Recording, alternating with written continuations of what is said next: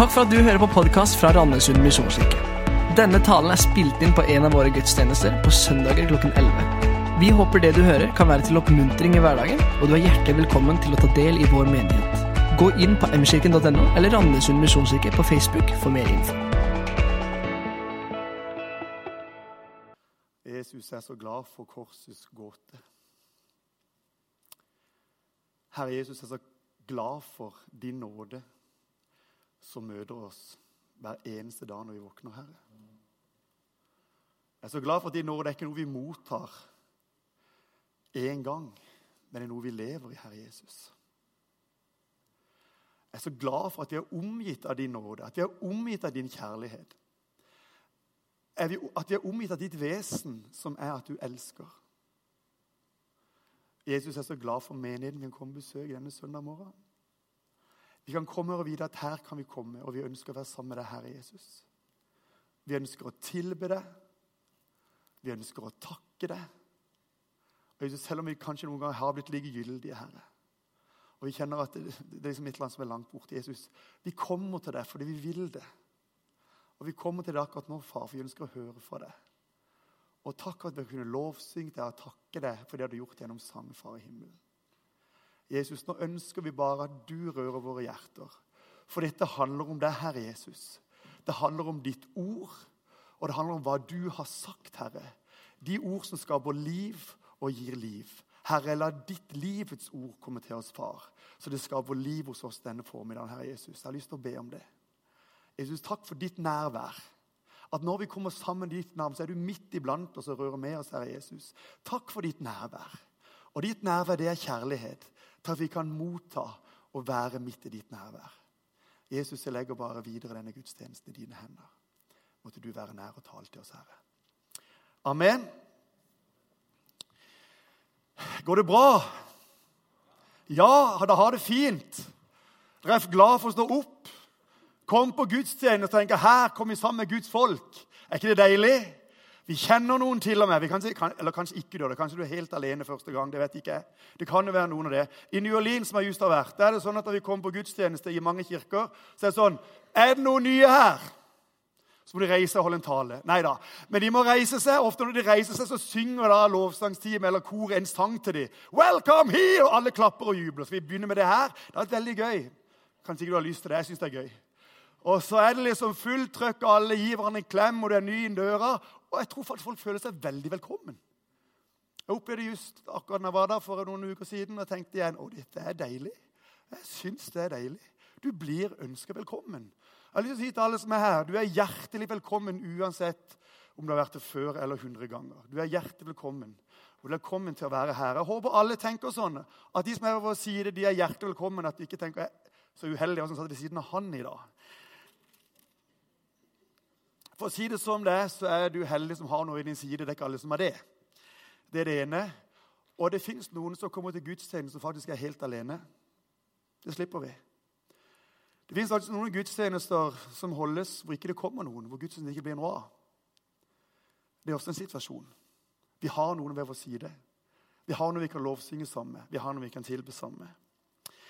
Og vi holder på, eller Forrige gang så begynte Jarle å tale om en serie som kalles for og det som å være i, i all fortrolighet. Og så er det noen, noen, kapitler som egentlig er på mange måter helt fantastiske, spør du meg. da. Og jeg er jo inhabil, for jeg skal tale over dette. Nei da, men jeg er jo ikke det. For det er, noen, det er, noen, kapitler jeg har brukt masse tid på. Jeg har, sånn, jeg har en bibel som jeg har holdt på å bruke en stund. Og det er klart at akkurat de sidene her, de er sånn her. Ikke sant? Så det er sånne sider jeg bladd i mange ganger, så jeg håper ikke det ramler ut. Men, men, det er sånn, for du har blanda her mange ganger fordi at det handler om noe som Jesus sier når han vet hva som skal skje. Og disiplene ikke helt forstår. De skjønner ikke greia helt. Selv om han har sagt noen ganger og hinta flere ganger som skal skje, så har de ikke helt skjønt det. Og nå vet Jesus dette er siste gang. Det er siste gang jeg sitter og samler med mine aller nærmeste, mine tolv, og de, de andre jeg kommer til være i den nærmeste omkretsen. Det er siste gang vi er samla. Så nå må jeg si det som er viktig å si. For jeg skal dø, jeg skal forlate dem. Og hva er de siste ord man gir da? Hva er de viktige ting? Hva er det viktige å holde på med? Og Jesus har da noen kapitler der hvor han legger ut det ene etter det andre. Og Det er kapittel 14 i Johannes, og det er kapittel 15 i Johannes. Det begynner med kapittel 13, da, hvor han innstår nattverden for det sist gang. Det er 13, det er 14, det er 15, det er 16, og det er 17. Og, og det er mange kapitler. og vi, skal, vi, kan egentlig ikke ta for oss alt det her. Men, men, det er når Jesus på en måte snakker til disiplene og sier, 'Hør her. Det jeg vil si dere nå, det er viktig.' Og det er i all fortrolighet. Jeg vet hvordan det er å leve på denne jorda. Jeg vet hvordan det er å være menneske, for selv om jeg er Gud, så har jeg også vært menneske. Jeg vet hvordan dette er. Og jeg vet åssen jeg kommer til å ha det. Jeg vet hva dere kommer til å oppleve. Jeg vet at det er medgang, jeg vet at det er motgang, jeg vet at det er utfordringer, jeg vet at det er gleder. Jeg vet alt. Jeg vet hvordan du kommer til å få det. Jeg vet om livet ditt, for jeg har levd det livet sjøl. Så det jeg skal si nå, husk på det, og husk på det, og husk på det, og husk på det. Det kan ikke sammenlignes, det jeg skal si nå, egentlig, men bare en liten greie. Eh, nå er jeg blitt over 50 år. Det er herlig å være over 50 år. Og da er det sånn at eh, i fall, så Noen av oss kan da ha en situasjon at noen av de barna du har fått, de begynner å bli større. Og når i minstejenta ble 15, så skjønte jeg jeg har ikke små barn lenger. Måtte innse det. Hun var 15 da. skjønte det. Det ble jo akkurat. Og så hadde det at eh, han eldste skulle plutselig flytte ut. Og så, så det har jeg jo aldri opplevd før. Det var Han jo alltid vært der. Så skulle han plutselig bort, og så var det som en ny situasjon å være i. Og da sånn tenkte jeg, Hva skal jeg si til han nå, da? Han flytte. Han kom fort hjem igjen, da. Men eh, han skulle flytte okay, etter fire måneder, og så flytter han ut igjen. Så han, jeg tror han egentlig bare flytter og kommer tilbake noen ganger. Ingen vet, ingen vet om det. Men han har jo på en måte flytta ut, da, iallfall. Så sa jeg du skal bare huske én ting, sa jeg før jeg flytta. Det er mye jeg kunne sagt, men sa jeg, du har alltid et hjem, sa jeg bare. Du har alltid et hjem. Vi har alltid et hjem hos Herren, vet du det? Uansett hva livet medfører. Uansett hva som skjer i ditt liv. Uansett av motgang og prøvelser, uansett hva du måtte oppleve, så har du alltid et hjem. Du har alltid en som, sier, som står og speider etter deg, sier 'Jeg vil være hos deg'. Jeg lengter etter deg. Noen ganger så går vi bort, og vi går bort til den sønnen som ikke vil være hos faren lenger. Men vi har alltid et hjem for det om. Vi har alltid et hjem. Så jeg tenkte jeg skulle si det i begynnelsen, i all fortrolighet, at vi har alltid et hjem. Når jeg skulle tale det her og begynte å forberede, så fikk jeg fra Jarle teksten i Johannes 15 eh, om eh, vintre og det sanne vintre. og Der står det 'bli meg'. Og, og på den her som ble trykka opp for, som fikk for søndag, der som var det da, og så er det at i dag skal jeg tale om noe som heter 'bli meg'. Og det er nesten sant. Fordi at det var det jeg skulle tale om.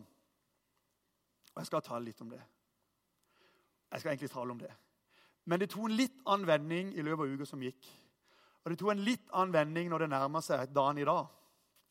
For jeg, jeg, jeg, jeg på å lese disse kapitlene. Så leste jeg kapittel 15, så leste jeg 13, så leste jeg til 17. Og så tenkte jeg ja, men akkurat som jeg opplever det at Johannes 17 Jeg må ha med Johannes 17. Jeg, sikkert, sikkert, vet ikke om alle vet hva det er. Men det kalles for Jesu ypperprestelige bønn. Og så er det akkurat som jeg bare kjente at jeg må ta tak i Johannes 17, for der tror jeg det står Eller der holder Jesus på med noe som jeg tror er midt inn i vår tid. Midt inn i det å leve nå. Og det handler om å være ett. Så det kommer jeg tilbake igjen til. Så det blir litt herfra, litt derfra. Men det blir 'bli i meg'. Håper det er greit at jeg hopper litt sånn. Men sånn er det noen ganger når man driver og forbereder seg. Men jeg vet ikke Dette verset der Jeg er det sanne vintreet, står det i Johannes 15. Min far er vingårdsmannen. Og hver gren på meg som ikke bærer frukt, tar han bort. Og hver gren som bærer frukt, renser han, så den skal bære mer. Dere er alt rene på grunn av det ord jeg har talt til dere. Bli i meg så blir jeg i dere. Liksom grenen ikke kan bære frukt av seg selv, men bare hvis den blir på vintreet, slik kan heller ikke dere bære frukt hvis dere ikke blir i meg. Jeg er vintreet, dere er grenene. Den som blir i meg og jeg i ham, Han bærer mye frukt. Men uten meg kan dere intet gjøre. Den som ikke blir i meg, blir kastet utenfor som en gren og visner. Og grenene samles sammen og kastes på ilden og de brenner. Hvis dere blir i meg, og mine ord blir i dere, da be om hva dere vil, og dere skal få det. Når dere bærer mye frukt, blir min far forherliget, og da er dere mine disipler. Liksom Faderen har elsket meg, har jeg elsket dere. Bli i min kjærlighet. Hvis dere holder mine bud, blir dere i min kjærlighet, liksom jeg har holdt min fars bud og blir i hans kjærlighet. Dette har jeg sagt dere for at dere kan eie min glede, og deres glede kan være fullkommen. Og dette er mitt bud. Dere skal elske hverandre som jeg har elsket dere. Ingen har større kjærlighet enn den som gir sitt liv for sine venner. Dette er Guds ord. Det er Johannes 15, første delen. Og det som jeg skal begynne med Jeg vet ikke om dere har tenkt på et vintre. Men da jeg var yngre, så alltid får man å snakke om det at det var en stamme som var Jesus, og så vi, vi greinene på stammen. Jeg har egentlig skjønt at det er helt feil. For Jesus sier ikke 'jeg er stammen', han sier 'jeg er vintreet'. Altså, Jesus sier 'jeg er hele treet'. Jeg er alt. Og dere er grenene. Vi er en del av Kristus. Er dere med? Altså, det er ikke sånn at liksom, vi er på en kvist. Nei, vi kutter av den. Vi er liksom alt. Jesus er hele treet. Han sier ikke 'jeg er stammen, jeg er vintreet'. Og hva er poenget med det? For meg er det et veldig stort poeng. For det betyr at jeg er noe. Og hva er vi som Guds barn? Vi er rene. Hva står det i vers 3? Dere er alt rene. Så bli i meg. Er ikke det herlig, da? Dere er alt rene. Ja, hva betyr det, da? At vi er rettferdige for Gud. Så bli i det, da. Og det tror jeg veldig mange flytter fra. Vi tenker ja, men jeg gjorde det og jeg havna i det. Kan vel jeg kalles for Guds barn? Ja, men jeg gjorde sånn, og jeg havna i det. Og opplevde den tragedien. Kan vel jeg kalles Guds barn? Jeg møtte det, jeg møtte det. Kan vel jeg kalles Guds barn? Eller jeg gjorde det. Kan en, en gang gå i kirke? Jeg er verdig til å være i kirke. Jeg gjorde det mot min barn. Kan jeg være en far? Jeg gjorde det. Kan jeg være verdig? Vi stiller oss mange sånne ting, og Herren sier dere er alt rene. Bli i dette. Betyr egentlig bli i Guds nåde. Amen. Å, unnskyld. Eh, vi kan si det hvis du har lyst. Men bli i min nåde. Og hva betyr det? Det er å vite at jeg lever i Guds kjærlighet. Jeg står ikke her fordi jeg er utrolig flink til et eller annet, fordi jeg er liksom perfekt bibelskolelærer som står her. Jeg står her pga. Guds nåde. Jeg står her for rettferdig, for at Han har gjort meg rettferdig. Jeg er alt ren. Det var begynnelsen på dette han sier. Bli i dette, sier han. Bli i dette. Ikke slipp dette, for det slipper vi så lett i hva livet møter oss. Men bli. Dere er alt rene, så bli i meg. Bli i dette. Og sier han, det kan ikke bære frukt hvis det ikke blir i meg. Og Nå kommer jeg inn på noe her. For når jeg snakker om frukt, det er et utrolig deilig ord. Jeg har noen frukttrær hjemme, tro det eller ei. Jeg syns det er litt gøy med frukttre. Tenk at jeg kan, jeg synes det er gøy. Jo, jeg syns det er litt gøy. Jeg syns det er gøy hvis det kommer frukt, iallfall. For da kan jeg gå og spise frukten. Så dette er deilig. Og disse frukttrærne de beskjærer jeg innimellom når jeg husker det. Jeg er nokså flink, faktisk. Ellers blir de ikke altfor svære. Og så bærer de frukt. Jeg syns det er gøy. Men når Bibelen snakker om frukt, så syns jeg det er et utrolig deilig ord. Hvorfor det? For jeg tror ikke epletreet presterer så veldig mye for at eplene skal komme. De bare kommer. Jeg tror ikke pæretreet presterer så veldig mye for at det skal bli pærer. Pærene bare kommer. Jeg tror ikke plommetreet må gjøre så veldig mye i seg sjøl. Plommer bare kommer hvis de får næringa. Er det med? Det en pære sier 'Nå må jeg få ei pære'. 'La meg skape ei pære'. Det får de ikke til. Sant? Men det kommer som en konsekvens av noe annet. At forholdene er lagt til rekke for. Ingrid Eskilt, som går her, hun sitter i Sandnes, vet ikke hvor, men hun taler veldig ofte om én ting, og det er å være enten i nådehuset eller prestasjonshuset. Og det har jeg lært av Ingrid. at når man er i prestasjonshuset, da blir det veldig lite frukt. Da blir det veldig mye krav. Vi skal få til, vi skal gjøre. Og når Jesus sier 'bli i meg, så kan dere bære frukt', så handler det om ikke at vi skal prestere noe. Vi skal bli i Guds nåde, sånn at åndens frukter som vi leser om Galaterbrevet, blir en del av våre liv.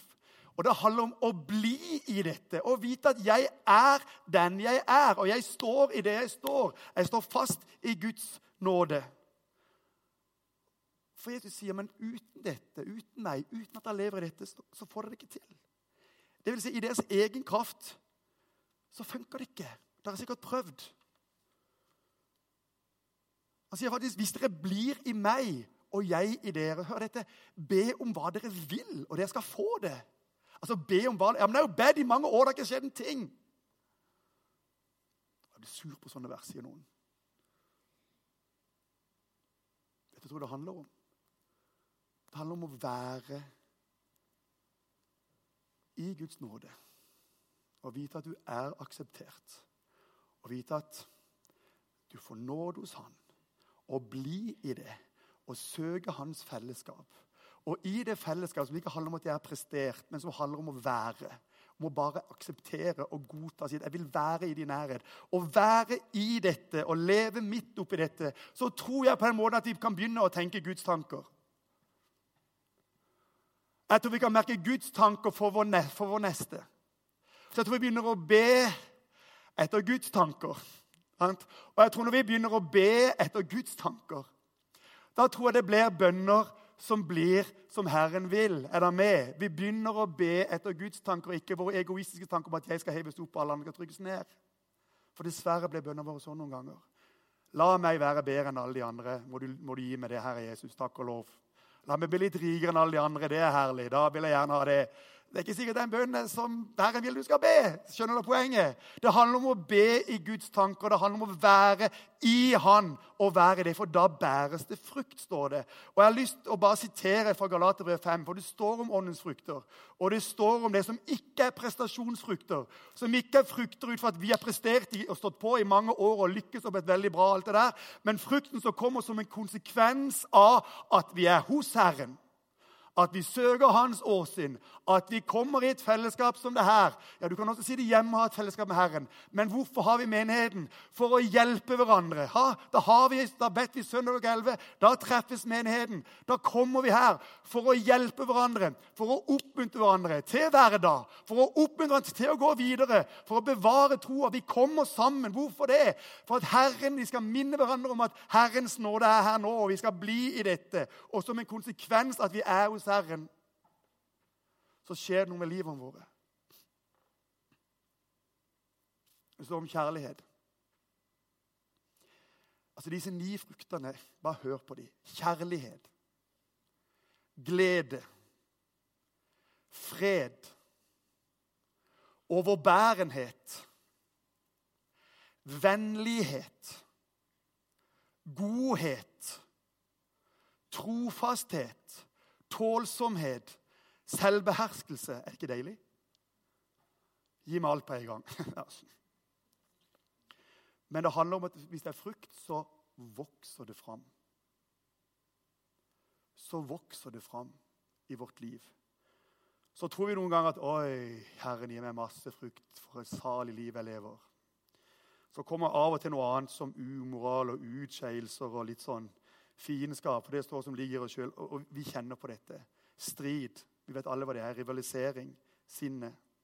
Stellevelse. Det står om det også. Det er holdt på å si, sånn som ligger i oss. Misunnelse, faktisk. Fyll står det om. Festing. Partier. Hor. Det er sånn som det motsatte. sant?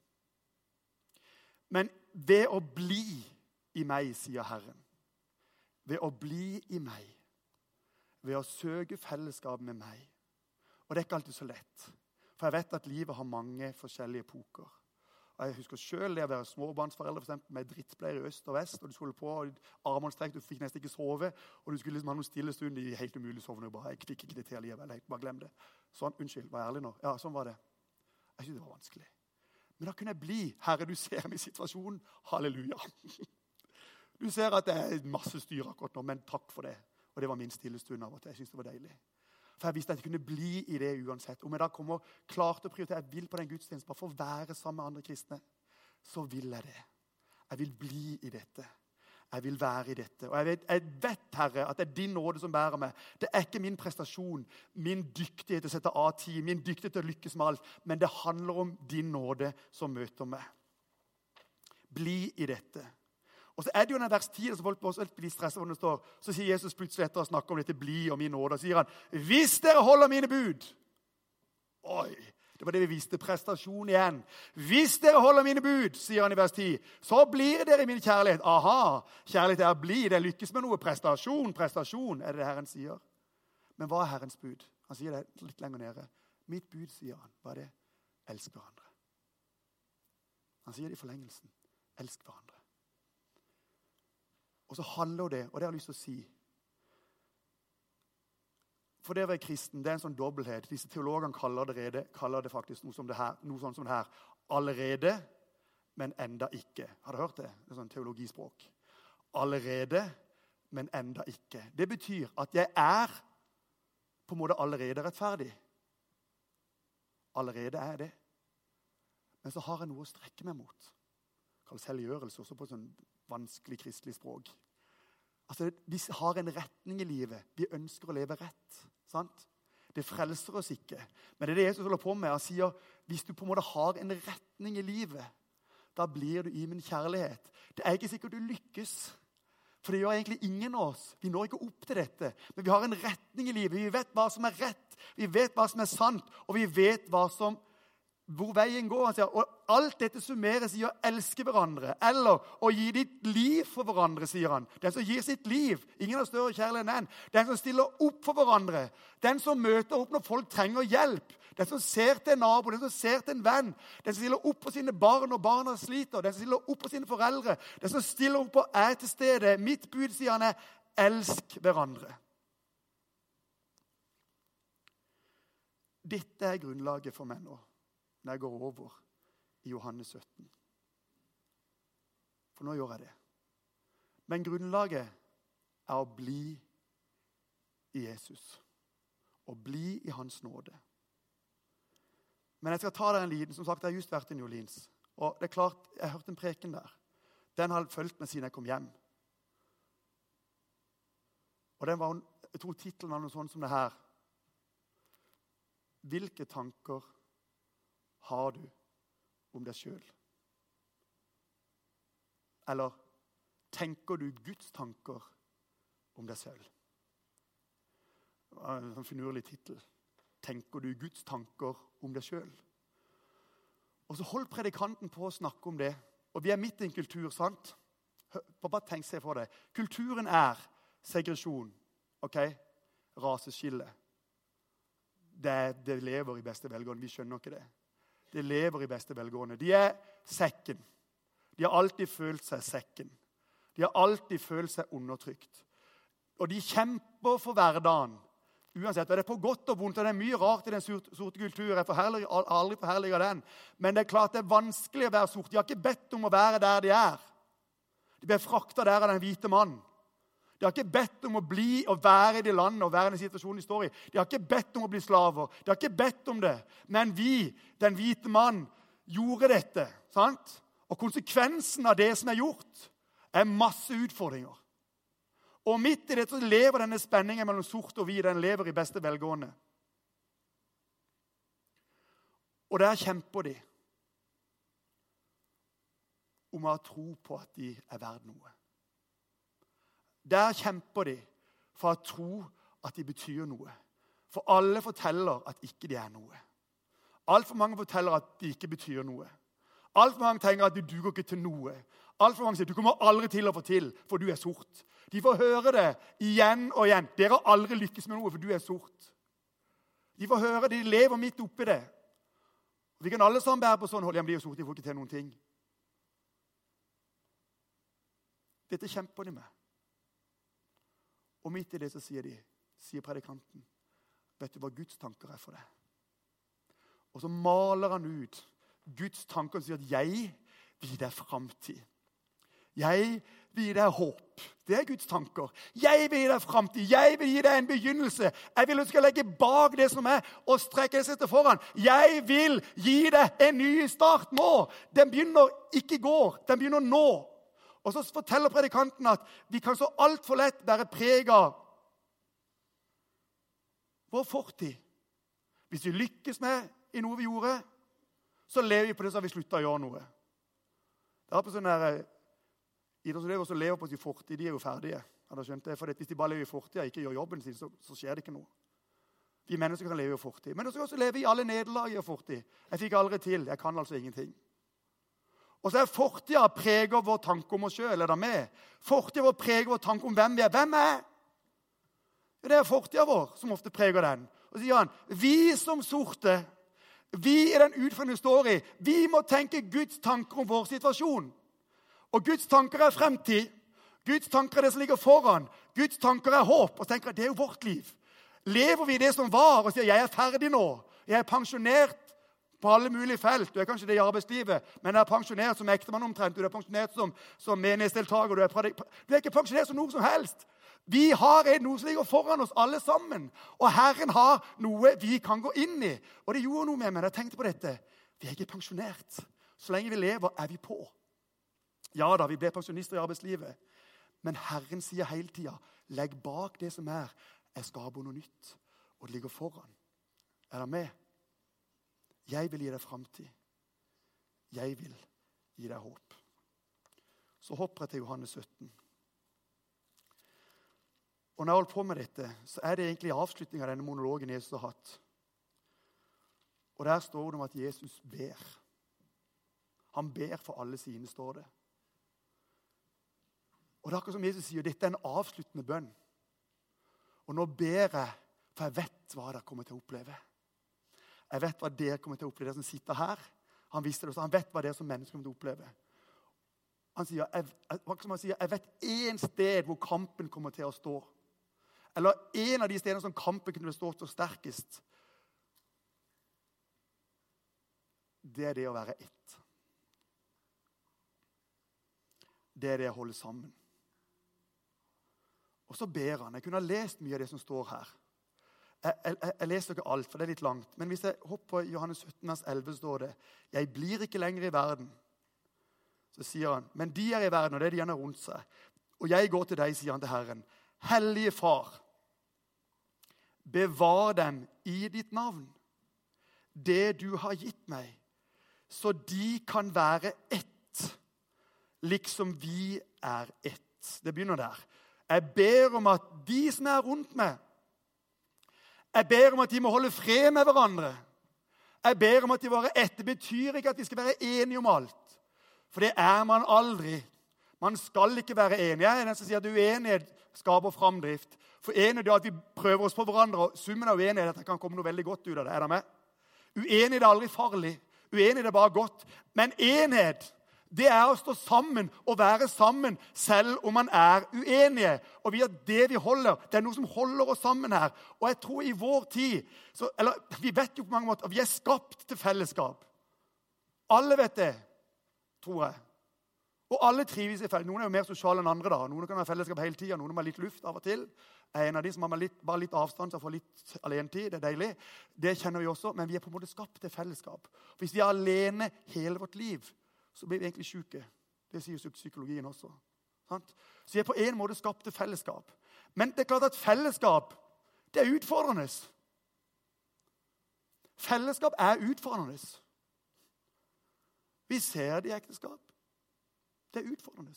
Vi ser det i menigheter. Det er splittelse. Vi ser det bare vi leser avisen. Uenigheter. I bedrifter i idrettsklubber, i fotballklubber. Vi sparker det inn med noen andre. Det er uenigheter. Vi må finne ut. Relasjoner er ikke så lett. Og Jesus visste det.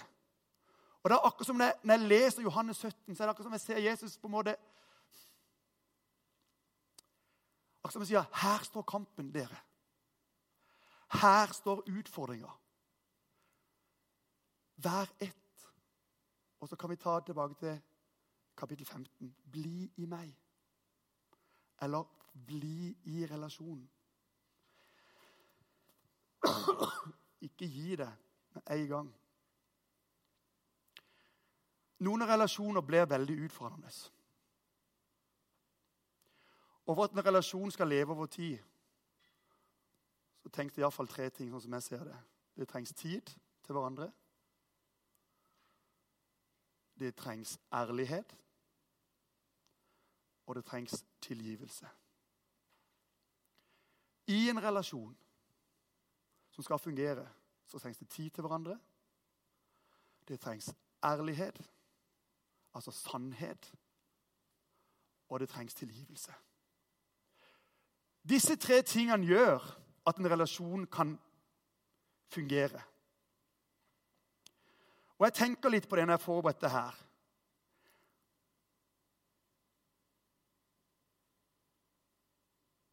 Noen ganger tror jeg vi gir oss litt for kjapt. Og så er det så lett å skylde på at alle, den andre skylder i alt som er skjedd. Vi gir oss av og til litt for kjapt. Jeg har lyst til å si 'bli'. Prøv litt til. Prøv litt til. Bli i dette. Tilgivelse er vanskelig. Tida er det ikke alltid vi føler vi har. Vi har for dårlig tid.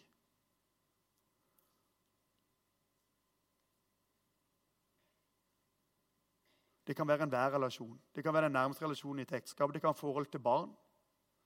Du føler kanskje du har mista kontakten med barnet ditt. Det eller annet som ble feil en gang et eller annet sted. Så er det bare, Du mista kanskje kontakt med mor eller far eller søsken, kanskje. Et eller annet. Kolleger. Tid, ærlighet og tilgivelse er vanskelig, men kan skape uendelige resultater. Og Herren ber. Jeg ber, bevar dem, bevar dem, bevar dem, så de kan være ett. Og Jeg kan lese videre. Vers 15 så står det det samme igjen. Jeg har gitt dem ditt ord, men verden har lagt dem for hat. Jeg, ikke, jeg ber ikke om at du skal ta dem ut av verden, men at du skal bevare dem fra det onde. De er ikke av verden, liksom jeg ikke er av verden. Hellig dem i sannheten. Og litt lenger.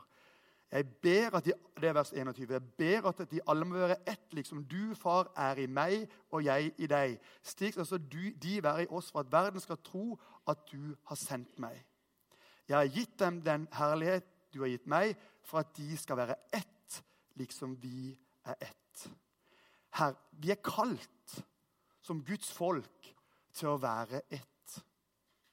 Til å stå sammen til å leve i tilgivelse, til å leve i ærlighet, til å snakke ærlig om livet, snakke ærlig om vår egen synd og feil og svakhet og mangler. og alt det der. Være ærlig med det. Og når vi gjør det, så er vi fri. For da kan vi komme med det vi har lyst i dag. Og på en måte gå mot en avslutning her. For jeg, jeg kjenner på én ting. Jesus sier 'bevar dem', så de kan være ett. Bevar dem fra det onde. Bevar dem, bevar dem, bevar dem. La de stå sammen. La de holde ut. La de tilgi. La de stå sammen. Jeg har lyst til å om avslutning. La oss bestemme oss for å bli. Noen ganger. For Herren sier, 'Jeg vil gi deg framtid'. Jeg vil gi deg håp. Og så tenker jeg litt på du som tenker at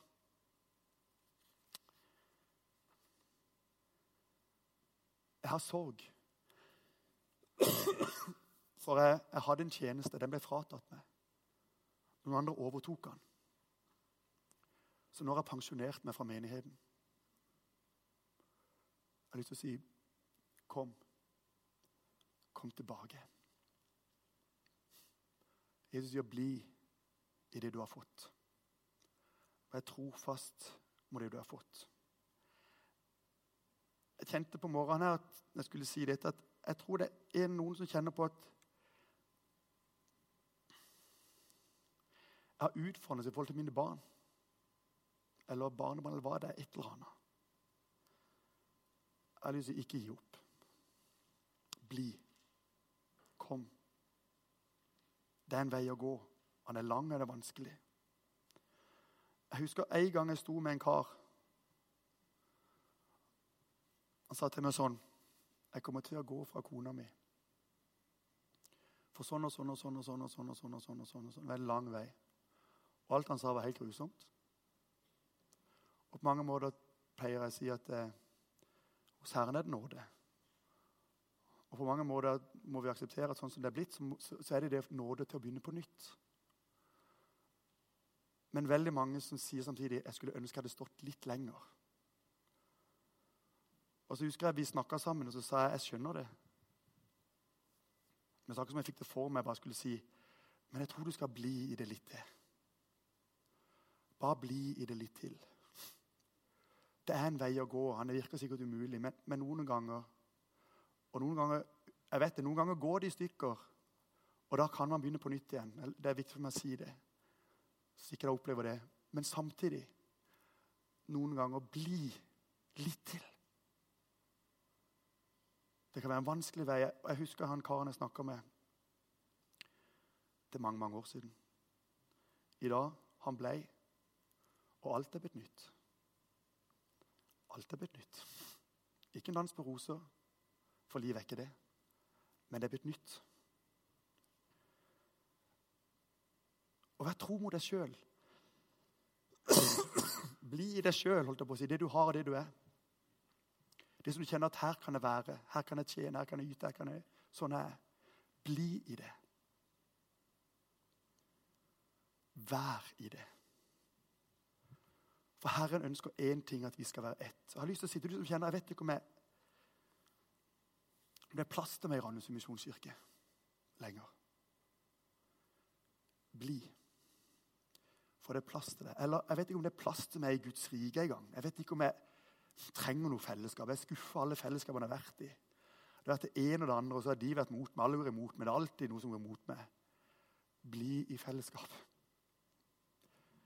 Det er utfordrende, og det krever tid. Det krever ærlighet, og det krever tilgivelse. Men bli i håpet. Jeg vil gi deg framtid og håp. Bli i det. Kjære Herre Jesus, jeg, jeg takker deg for ditt ord. Og jeg takker deg for at eh, du utfordrer oss, samtidig som du sier at vi er alt rene. Og vi må lære oss å bli i dette, at vi er alt rene. Så det er starten her, Jesus, på vandringa hos deg. Så kjenner du oss nå, og kjenner hvor vi står. Og du kjenner hva vi som utfordrer oss, far. Og jeg takker deg for Når du utfordrer, så er det fordi du utfordrer oss med kjærlighet. Og hvis vi kunne legge det bak, at vi kan komme til deg, og så kan vi starte på nytt. For du er en Gud som gir nye sjanser og nye muligheter. Jeg har lyst til å be for den enkelte her inne i dag. For du kjenner våre relasjonskamper. Du kjenner der hvor enheten brister. Hjelp oss til å være villige til å gå veien. Jeg ber om det, Herre Jesus. Kom du og gjør ditt verk, Far i himmelen. Kom og gjør ditt verk i våre hjerter i formiddag. Kom og gjest oss og besøk oss, far. Og hjelp oss til å være ærlige med våre liv og gi det til deg akkurat nå, far. Jeg ber om det. Amen.